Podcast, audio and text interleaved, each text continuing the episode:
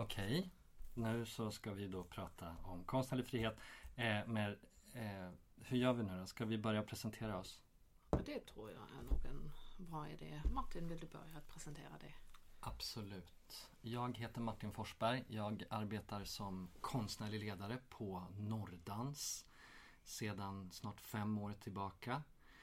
Eh, Norrdans är ett kompani som presenterar samtida dans och koreografi eh, primärt i de fyra nordliga länen. Och vi har även eh, en ganska omfattande främjande och pedagogisk verksamhet främst i Västernorrland. Och sen så eh, är jag också koreograf och har arbetat främst inom det fria fältet sedan 2005. Du då? Ja, och jag heter Birgit Berndt. Jag jobbar som danschef på Norrlandsoperan. Och eh, vi är ju både en produktionshus och en spelplats för dans, performance, men även för opera. Vi har en orkester. Men när det gäller dans då jobbar vi ju både med egna produktioner, ganska mycket med samproduktion, både med Sverigebaserade utövare men också ganska mycket med internationella kompanier och koreografer. Och så jobbar vi även med äh, ganska mycket främjande verksamhet. Dans i Västerbotten är baserad på Norrlandsoperan, så mycket workshopverksamhet, residensmöjligheter finns också. Och då kan man också säga att min konstnärlig praktik är ju både som en kurator och en konstnärlig ledare som sätter programmet men också mer utifrån en stödperspektiv som dramaturg går jag in ibland i konstnärliga processer. Mm. Och vi kanske ska säga att idag så eh, är det soligt väder i Umeå och vi sitter på Birgits kontor. Eh, som skulle kunna städas. ja, inga trakasserier här nu Absolut kring arbetsmiljön. Det klipper vi bort här, den beskrivning hade sett annorlunda ut i Härnösand. Det hade faktiskt sett annorlunda ut. Eh, men eh, vi ska prata om eh, konstnärlig frihet. Ja precis. Men Martin, jag tänkte fråga dig först eftersom vi ska prata utifrån konstnärliga processer. Du som konstnärlig ledare och uh, koreograf, vad, vad betyder konstnärlig frihet för dig överhuvudtaget? Jag Eh, jag tror jag skulle vilja börja med att säga att, att hela frihetsbegreppet är ju ganska abstrakt för den som åtnjuter frihet. Men väldigt konkret för den vars frihet är inskränkt. Och eh, jag skulle nog säga att jag har kanske inte genom åren reflekterat så otroligt mycket över konstnärlig frihet för att jag har haft konstnärlig frihet. Men ju mer makt jag har fått eh, och nu är jag ju liksom Eh, väldigt privilegierad och arbetar som chef på en arbetsplats som arbetar med dans och som arbetar med konstnärlig verksamhet. Så blir friheten eh, mycket mer konkret. Ehm, där någonstans skulle jag vilja börja i alla fall. Vad tänker du?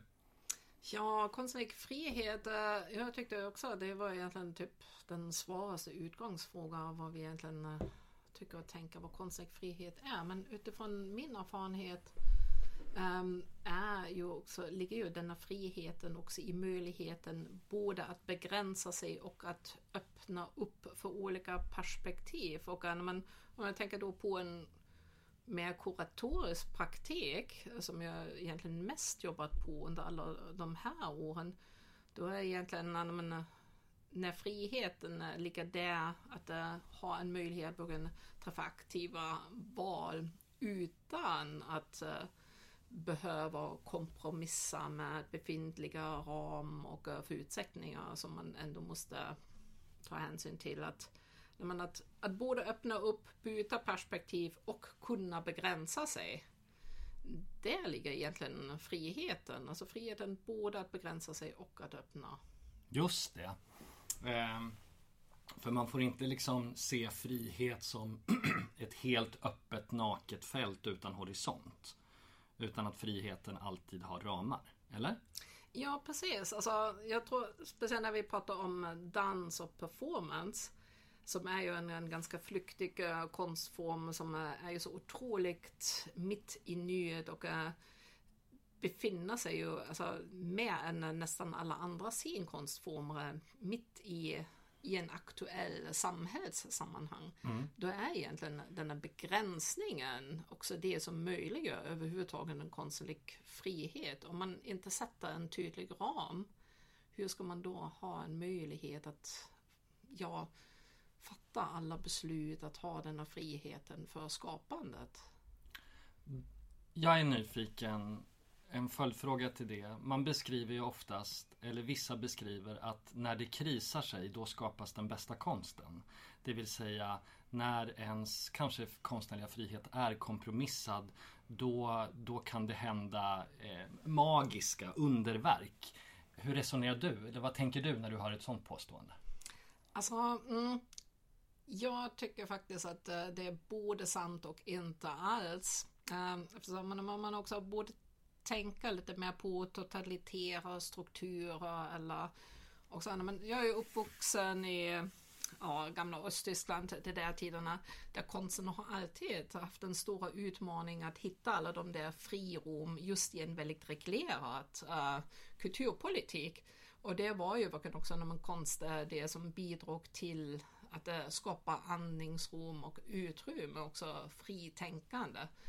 Men, eh, och det tror jag, men det hade verkligen uppstått en stort konst men samtidigt det syns också väldigt tydligt så fort som att den riktiga politiska friheten också kickar in finns det ju otroligt många fler möjligheter. Så båda, ja, alltså det skapar ju utifrån en nödvändighet uppstår en eh, mycket större alltså Alltså det är egentligen mer en nödvändighet, alltså det är en tvång på att vara relevant och att få utnyttja denna lilla konstnärliga friheten som du har kvar.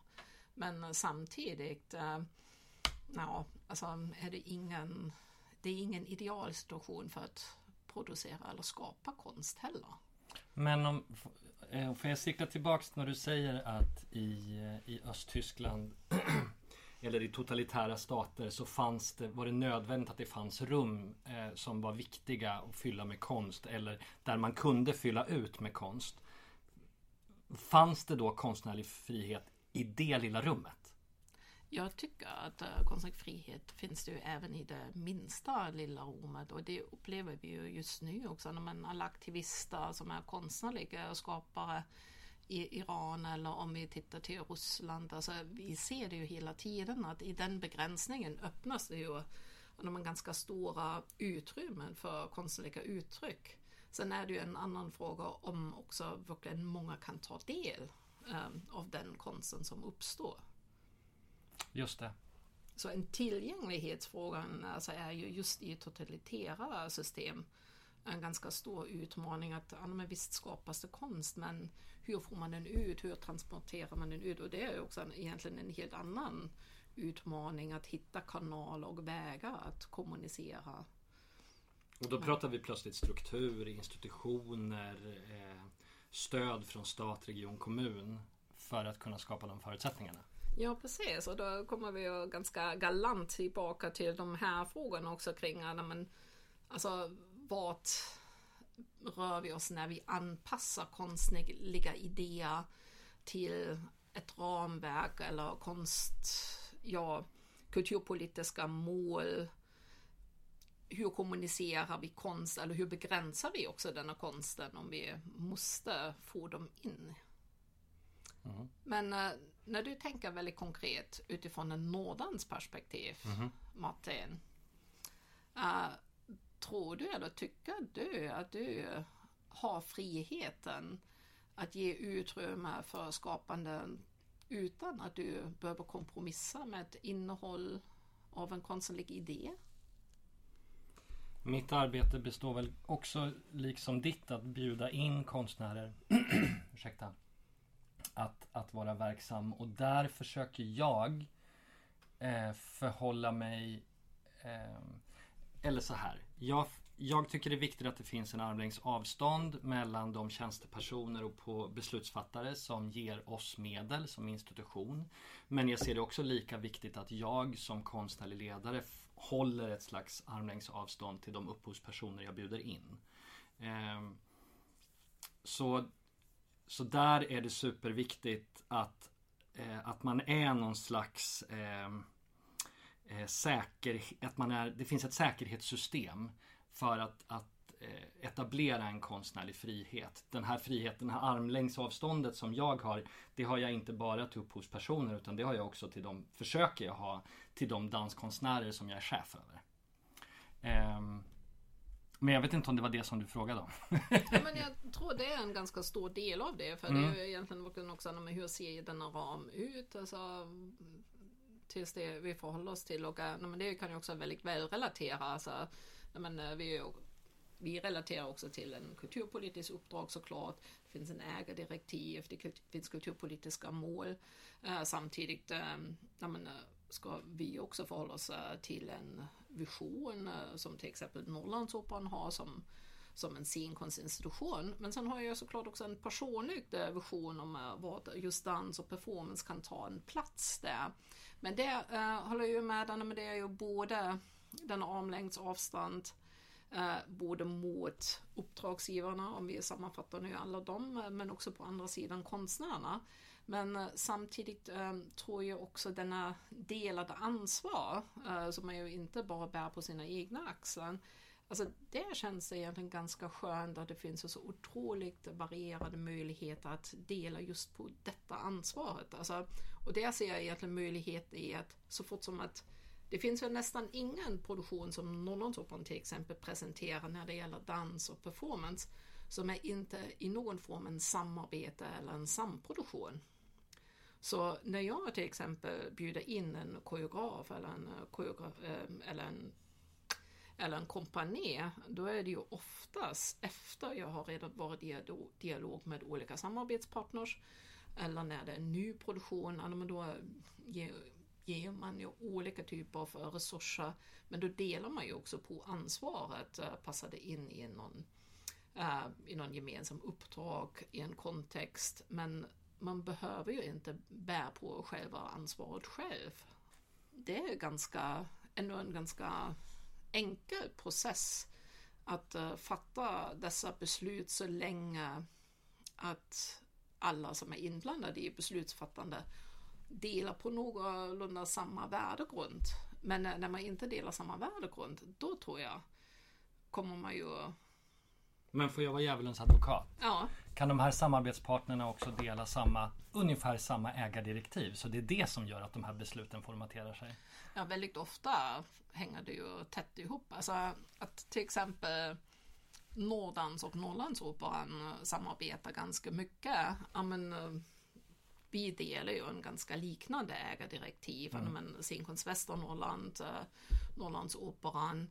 Ja, men, ägardirektivet ser ganska lika ut. Vi ingår i samma nätverk, Norrlands musik och, eh, och teater.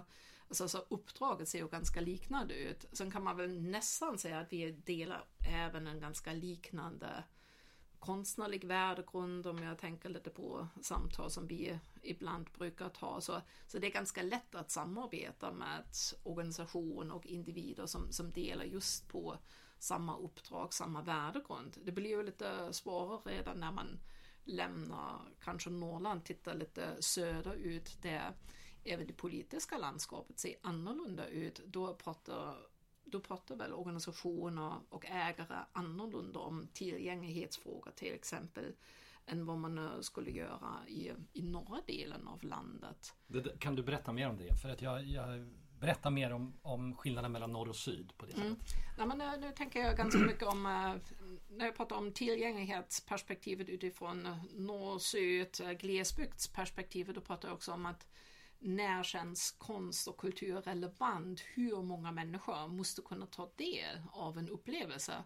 Och då är vi ju här i någon otroligt stor region där det ibland kan vara en jättestor succé när man når 15 pers med en barnföreställning för det bor ju kanske bara 30 eh, barn i hela byn. Men eh, däremot om det plötsligt spelas samma barnföreställning i, eh, i Malmö Ja, men det skulle ju vara en katastrof om det plötsligt bara dyker upp 15 pers. Men om vi, om vi pratar om tillgänglighet då eh, i hela Sverige, men då är ju också en ja, då, då, är ju medvetenhet om man, hur ser det ut i, i landsbygden och eh, i glesbygden otroligt stort och då är ju ja, hur räknar vi pengar och äh, resurser för kultur i norra delen av landet i motsats till södra ganska intressant.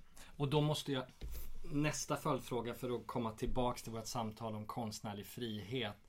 Hur påverkar det den konstnärliga friheten eh, Eh, när man arbetar här i norr med de förutsättningarna? Åh oh, gud, ja, det var en eh, väldigt stor fråga. Den kan du ställa även till dig själv. Jag tycker faktiskt att den påverkar den uh, ganska positivt. För jag tror att det, det, finns en mycket större sensibilitet här i norra Sverige för att hur stor skillnad även en ganska liten insats eller en, en ganska ja, liten räckvidd på papper eller i statistik kan göra för en, ja men egentligen för, för en mindre samhälle. Alltså om, mm. vi, om vi pratar om avfolkning som sker på många men då, då, spelar det ju en otroligt stor roll om det kommer en gästspel från Norrdans en gång per året och det är typ det enda kontakt som man har med dans under hela året, ja men visst gör den en ganska stor skillnad. Eller om man får ta del av en symfoniorkester som plötsligt spelar i någon gympasal mm. uh, i Sorsele. Ja men uh, visst präglar det också en uppfattning av att uh, men, vi bedöms ändå som värda att få uppleva kultur i en större skala. Mm. Och därför tror jag också att det är ganska intressant att när vi tittar på Nordans som är ju kompani med en uppdrag för barn och unga främst, eh, men som turnerar ganska stora produktioner, medan vi annars ser i barn och ungdomskultur eh, på de där turnéerna just i glesbygderna, det är väldigt ofta maximalt tre personer som överhuvudtaget tar sig ut, spelar ofta på en bygdegård eller i någon gympasal. Alltså att, att visa kvalitet i en större skala, nej, men det är ju otroligt viktigt. Eh, Också för att, att, skapa en känsla av eh, hur värdig kultur kan vara. Just det. Gud vad kul att höra dig säga de här sakerna. Det ger verkligen eh, vatten på ens kvarn. Eh, jag, jag, kan inte annat än hålla med. Eh. Vi har en fråga här på vår lista som uh, man spelar lite in i samma riktning. Hur kanske också ja, hur konstnärer börjar eller anpassa eh, ibland konstnärliga idéer eller om det finns en risk att anpassa konstnärliga idéer eh, utifrån eh, både kulturpolitiska mål men också kriterier som, eh, som är uppställda i ansökningsförfaranden. Och, eh, det är egentligen lite samma frågeställningar om vi upplever här en större förändring. Nu befinner vi oss både i en ganska privilegierad eh, situation att eh, men, vi har ju en, vi har en verksamhetsbudget eh, som vi kan arbeta med som aldrig räcker till såklart. Så, så även vi är ju i samma sits som alla frilansande utöver att söka pengar.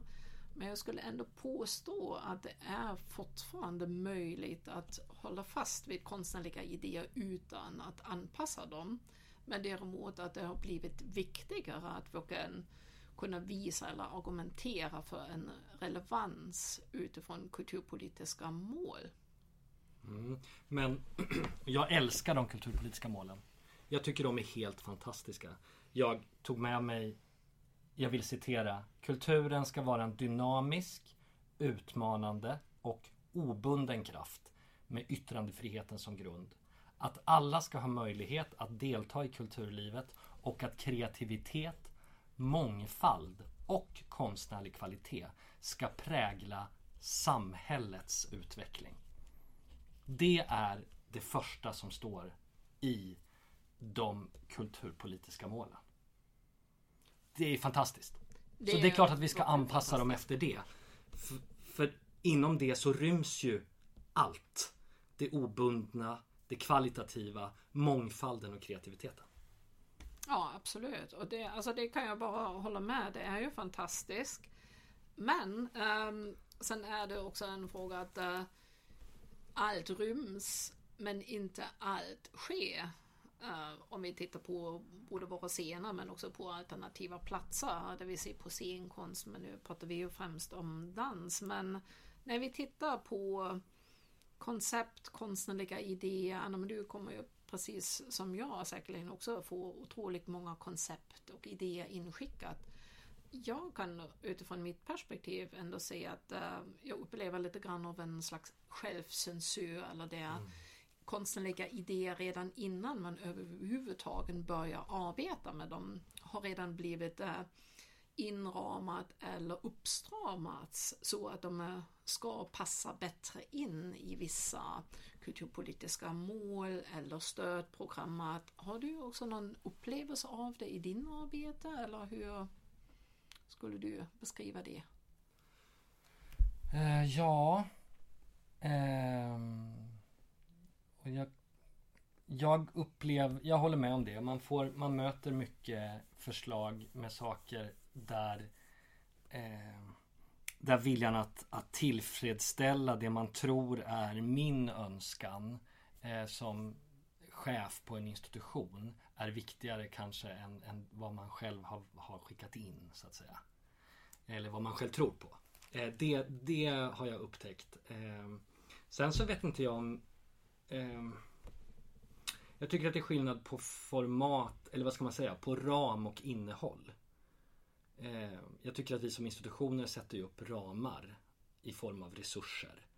Eh, I form av stöd till en idé. Eh, men, men, och jag har inte så mycket emot att, att konstnärer själv sätter upp sina egna ramar eh, för att kunna få ett visst stöd så länge de inte petar för mycket i sitt eget innehåll. Förstår du hur jag tänker? Ja, absolut. Att, att, att man, det, finns, eh, det finns en yttre röst och en inre röst. Och man ska försöka eh, vara i en vänlig eh, och rebellisk dialog med sin inre röst. Men man kan styra sin yttre röst. Förstår du hur jag tänker?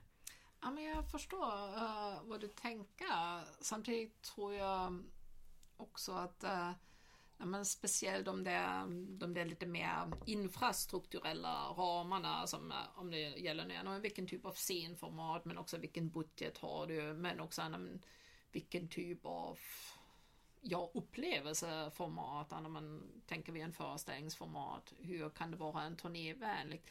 Men eh, när vi pratar om friheten i bortsett från, från infrastrukturen. Ja precis. Men det, alltså, jag tror det är det vi menar med inre och yttre röst. Ja. ja det är det ja, jag menar. Ja, tack. tack nu, för att du nu förtydligar. förstår jag. Nu är vi med. Yes. Frihet och resurser. Mm.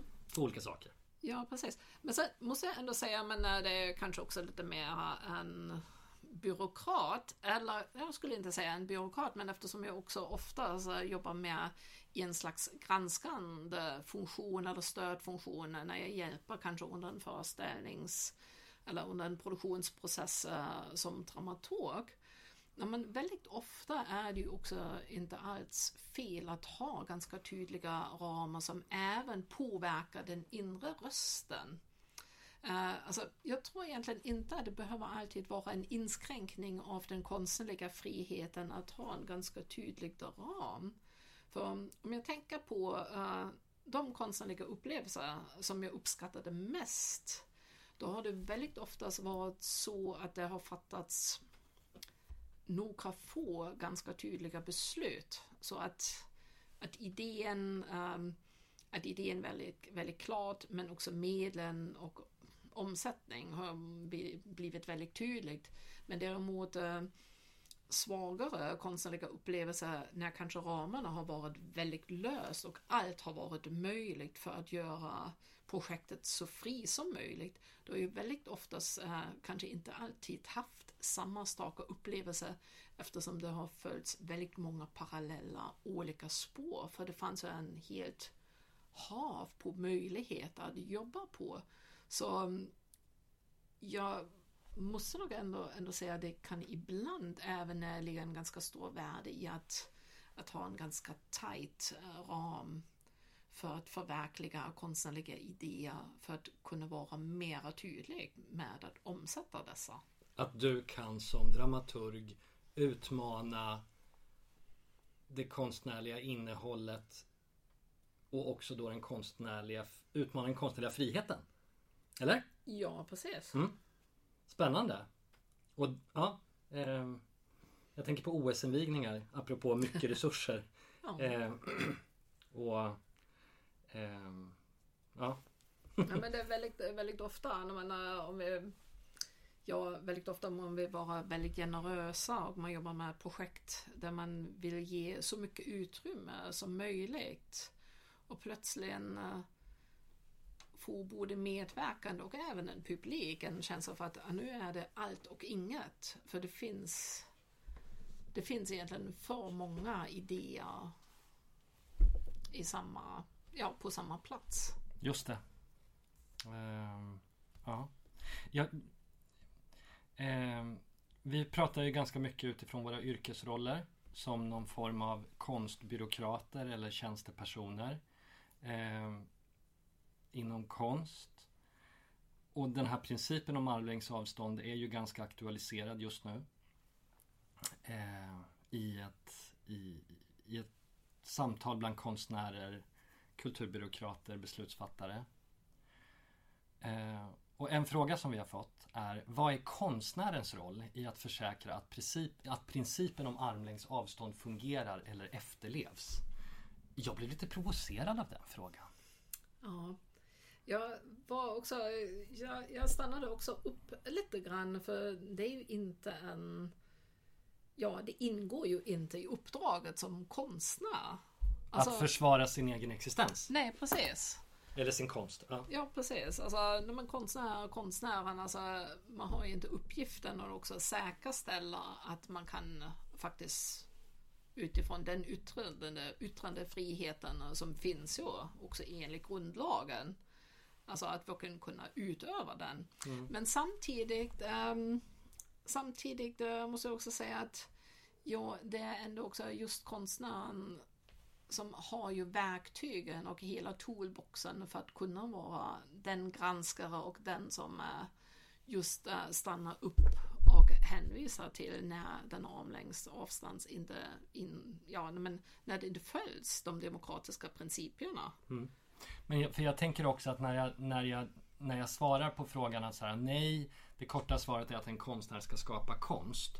Så är det precis det jag landar i. Men konstnären idag är ju också en person som står mitt i sin egen kontext, som står mitt i andra diskurser. Och på det sättet så, så, så är ju konstnären så bör ju konstnären vara fullt medveten om eh, om hur den ska upprätthålla ett armlängds avstånd. Eller?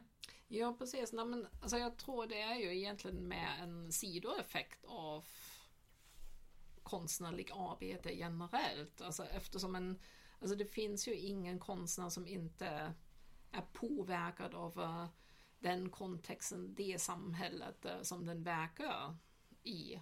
Så det finns ju alltid en interaktion, en, en påverkan oavsett. Så, så därför konstnären kommer ju inte undan att också relatera till, till det läget. Mm. Men det är ju inte grunduppgiften eller det är ju inte en funktion den fyller med den.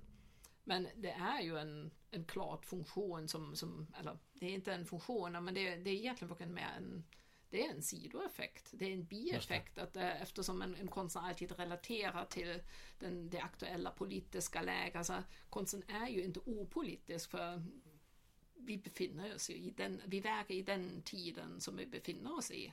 Mm. Jag läste igår en artikel av eh, Salman, om eh, Salman Rushdies uh, nya roman Victory City. Uh, som var väldigt intressant för den relaterar ju till um, till en historisk period i Indien mellan 1400 och 1600-talet.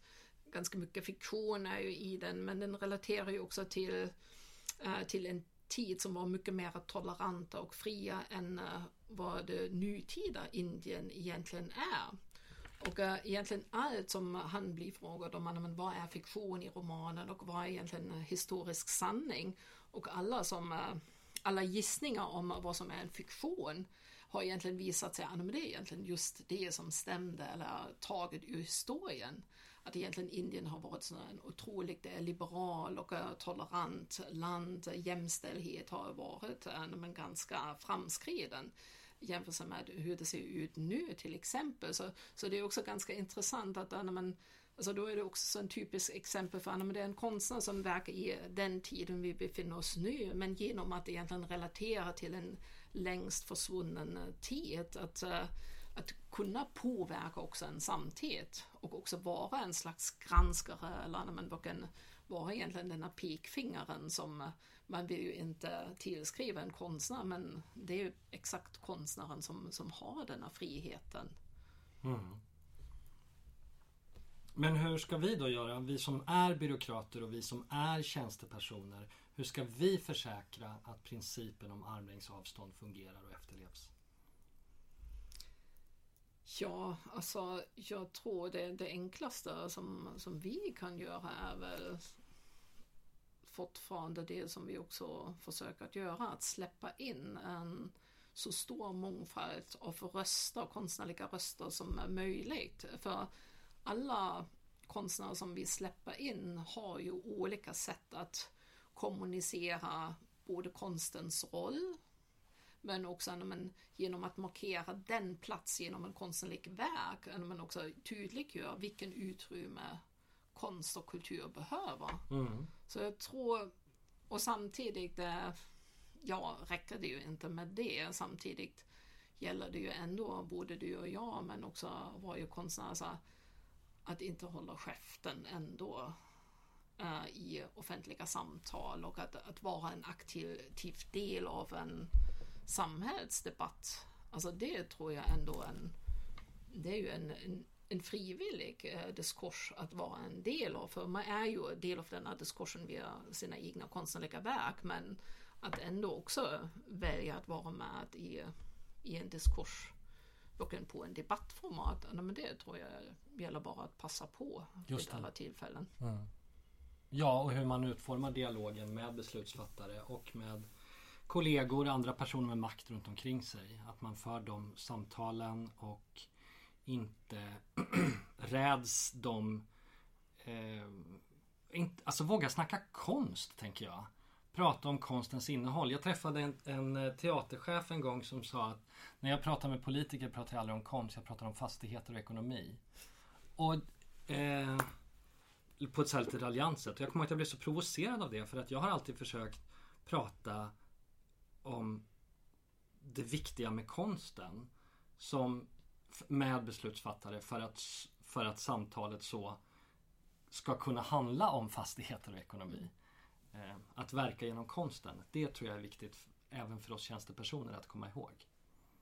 Ja precis, men sen tror jag det är också en annan sak som är otroligt viktig just för oss som verkar i så ganska traditionella, konventionella strukturer. Men vi jobbar väldigt mycket med scen och salongformat. Alltså, vi befinner oss ändå i ganska slutna rum så att uh, det är ändå alltid någon, någon publik, någon skolklass eller någon tjänsteman. Alltså det är alltid någon som behöver ta sig dit.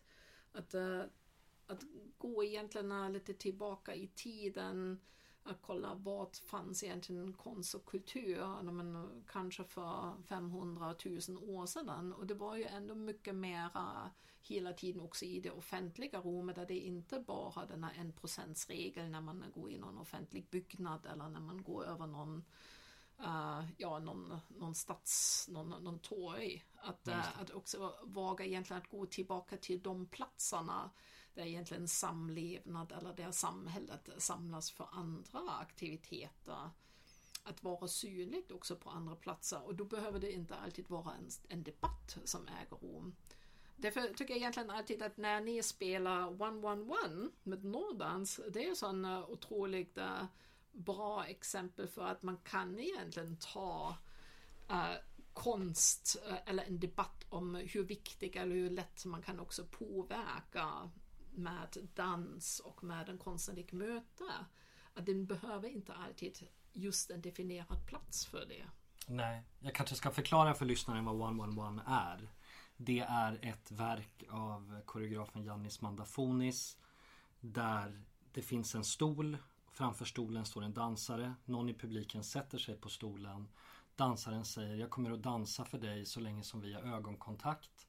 Eh, och du bestämmer själv när föreställningen är slut. Och sen så börjar en, en, en konststund, en danskonststund tillsammans. Ja, det eh, nu när vi har varit här i Umeå så har vi bland annat dansaren på Umeå universitetssjukhus. Så det är verkligen en föreställning vi kan komma ut med.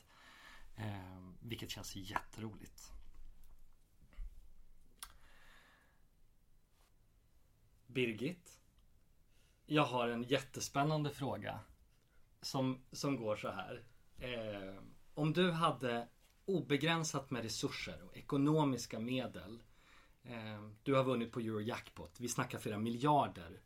Eh, skulle det göra att dansprogrammet på Norrlandsoperan såg annorlunda ut?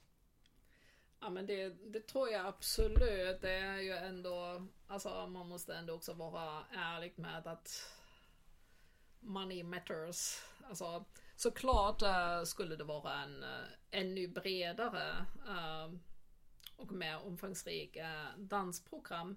Men jag tror egentligen att grundstommen i hur jag i alla fall tänker är intressant och spännande att jobba med dans, att både byta perspektiv hela tiden, bjuda in eh, menar, eh, olika konstnärskap, visa på olika kroppsligheter, olika möjligheter att röra på sig. Men både vara en, ja, vara en gästspelscen men också att vara en ganska communitybaserad plats där även publiken kan bli till skapare.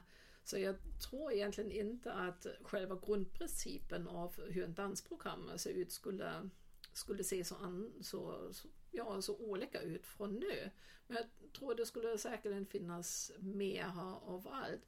Och sen tror jag en ganska stor skillnad um, skulle det finnas Just nu finns det ganska begränsade resurser att Ja, att egentligen lämna över ganska stora budgetar till enstaka konstnärer och lämna, lämna stora, stora resurser till, till individer eftersom pusslet måste ju alltid passa ihop.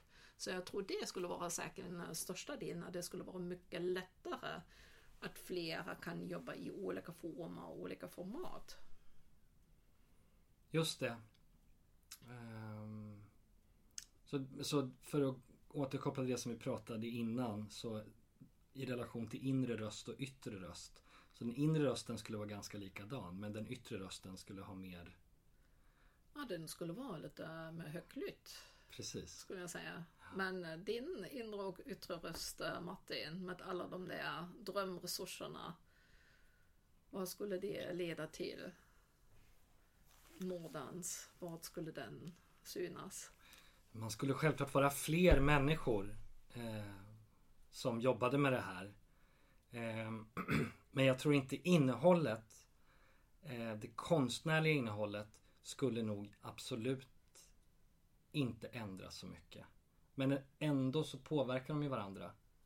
Eh, och påverkar upplevelsen av saker. Speciellt när vi arbetar då med med eh, dans eh, och kropp. Det vill säga mängd. Ehm, så jag står och väger lite, jag liksom leker med tanken. Om jag hade alla de här pengarna, vad skulle vara annorlunda? Ehm, mm. Jag har faktiskt också en, eh, en väldigt praktisk fråga till dig. Aha. Vi minns ju alla och tänker ju alla vidare i i strukturer eller hur vi skulle gärna se att strukturerna för dans och för scenkonst eh, skulle förändra sig. Också för att säkerställa att, att det blir flera möjligheter för flera utövare men också att konstnärlig frihet eh, kan flöda mera fritt. Och väldigt oftast just i Sverige pratas det om att ja, men allt skulle vara så mycket enklare om det om det skulle finnas flera platser för dans. Vissa pratar om eh, regionala eh, produktionshus eller Dansens hus eh, i varje län. Andra ser ju helt andra vägar och pratar mer om hur kan vi gemensamt dela på resurser som, som redan finns. Men hur, alltså betydelsen av platsen för konstnärlig frihet tycker jag också är en otroligt det är en stor fråga, bortsett från alla ekonomiska resurser. Men att ha en plats där man kan skapa. Vad tror du Martin? Hur, hur stort är vikten av att ha platser just för dans? Eh, specifikt för dans så är platsen avgörande. Tid och rum. Eh, också för, för den vidare liksom etableringen av, av dansen som konstform. Eh, som jag upplever de senaste åren har börjat ta fart men, men, men eh, fortfarande behöver mer eh, tid och rum på sig. Eh, så jag tror att platsen är med till att skapa en trygghet för att kunna skapa. Jag tycker idag att vi har blivit någon slags gig-ekonomi, dans, så här Fodora, eh, Uber. Eh, jag, jag, ser hur, hur många danskonstnärer eh, hattar runt mellan små korta anställningar. Skulle det finnas fler platser, noder för dans så skulle det kunna skapa en större trygghet vilket jag också tror skulle leda till att folk kan ta järvare konstnärliga val eller inte alls järvare men, men, men kan ta val. Så på det sättet så tror jag att, att platser, byggnader, golv är viktiga för danskonsten. Mm. Jag vill gärna bara säga lite grann emot som jag alltid gör i de där platsdiskussionerna. Jaha. Jag, tror, alltså, jag håller absolut, uh, håller absolut med att uh, det behövs uh, flera platser för dans. Flera platser och åtta eh, med bra tekniska förutsättningar att skapa. Absolut. Men det som jag däremot inte se att de där platserna behöver vara exklusivt bara för dans. Där ser jag nämligen däremot en ganska stor risk att skapa platser som är bara exklusiv för dans, som man isolerar egentligen från andra uttryck. Alltså det som jag saknar lite mer, om vi också tittar här på en ja, scenkonstlandskap i Sverige, det är egentligen de där åttorna där olika uttryck äh, finns kontinuerligt tillgängligt hela tiden året runt. Att äh, ja, men vi har teaterscener, vi har platser där det spelas musik och Visst, absolut, vi behöver ju ha, men alltså det krävs olika förutsättningar att spela på en uh, trombon eller att, uh, att dansa ballett. Uh, men att, att bedriva eller att, att ha tillgång till scener som eh, som fungerar bra för dans och performance och som fungerar lika bra för teater. Så där ser jag egentligen fortfarande ganska stora möjligheter att, eh, att både utövarna själva och publiken skulle ha mer att vinna på att egentligen dela på gemensamma rum och att inte tänka i avgränsade rum för när man vet jag redan en tryckplats där jag kan uppleva inspirerande scenkonst. Men varför ska jag då också etablera bara tre gator vidare en annan rum för dans eh, som jag måste etablera och bygga på nytt. Alltså jag skulle gärna se flera platser där olika rum används för olika konstnärliga uttryck. Så att man inte behöver separera på, på scenkonstnärliga uttryck. Jag tror i slutändan så håller jag med dig men jag tror att vägen dit kräver separatistiska rum.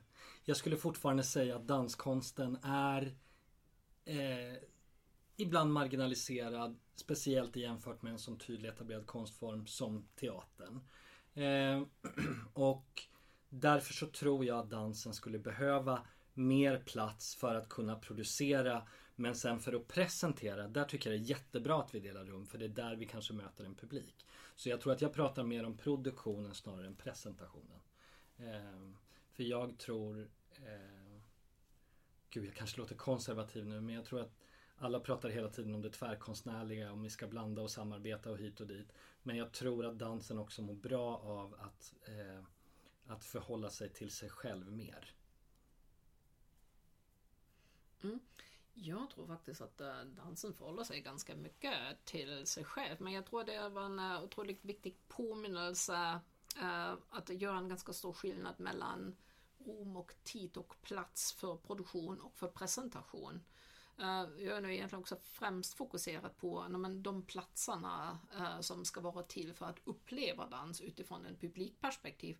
Och det tror jag är det ganska avgörande också i en framtid att de där rummen inte separeras för mycket. Just också för att, eh, att, att skapa en, en gemensam förståelse att alla delar i en, eh, en kulturell landskap är lika viktig. Att inte mm. det ena är viktigare än det andra. Men däremot att skapa frirum och äh, flera resurser just för, för produktion Eh, Eh, för produktionsprocessen och skapande och researchprocessen. Det håller jag absolut med för där har vi ju fortfarande en ganska stor strukturell eh, utmaning. Vi har ju inte lika många fysiska platser för dans fortfarande medan vi kan räkna ju på eh, på teaterkompanier, på konserthus. Alltså, det finns ju rent statistiskt en, en otroligt stor obalans som också leder till att det nomadiska i dansen är ju både en kvalitet men det är också hela tiden en hot både för kvalitet mm. men också för hållbarheten i denna konstformen. Just det. Då håller vi ju med varandra. Ja, det gör vi. ja. Ehm, ska vi prata om någonting mer eller ska vi säga att vi har pratat färdigt just nu den här gången? Det känns ju ganska känns ju ganska... Är det någon fråga som jag inte svarat på? Nej. Jag vet inte. Det är någonting med, det är någonting med de här kulturpolitiska målen som, som, eh, som jag tycker är rätt fantastiskt. jag gillar ju dem. Och hur mm. de är liksom nationella, regionala, kommunala, ägardirektiv. Eh, hur de de går som en tråd igenom och där ordet obunden yttrandefrihet, kreativitet och kvalitet eh, är bärande. Och det tycker jag borgar för en frihet. Och yttrandefriheten är ju liksom en grundlagsskyddad ja. rättighet. Eh, så är, man, är jag orolig? Ja, fast har jag också tillförsikt? Ja. Ja men det är väl ändå en eh, ganska intressant perspektiv för det är väl det som eh, ligger också lite under i den här diskussionen varför den frågan överhuvudtaget ställs. Men det finns ju en viss oro. Ja, för att det, det, det sitter någon i styrelsen på Gävle museum. Någon försöker stoppa ett Lucia-tåg, mm. någon försöker stoppa Pride-tåg. Och det är helt åt helvete till. Och det aktualiserar ju ett samtal.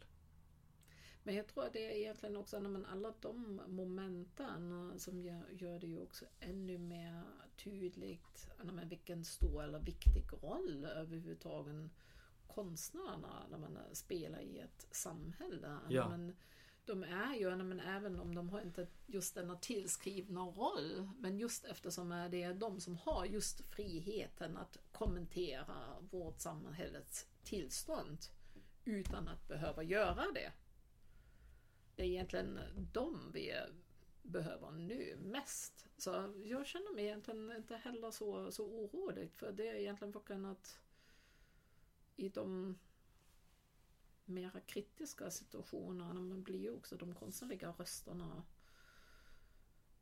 högre. nej, man säger inte högre. Vad säger jo, man? de blir mer ja, högljudda. Men jag tänker på Ryssland där jag jobbat så mycket. Liksom och jobbat i Ryssland sedan 2004. Nu kommer jag inte jobba i Ryssland igen antagligen.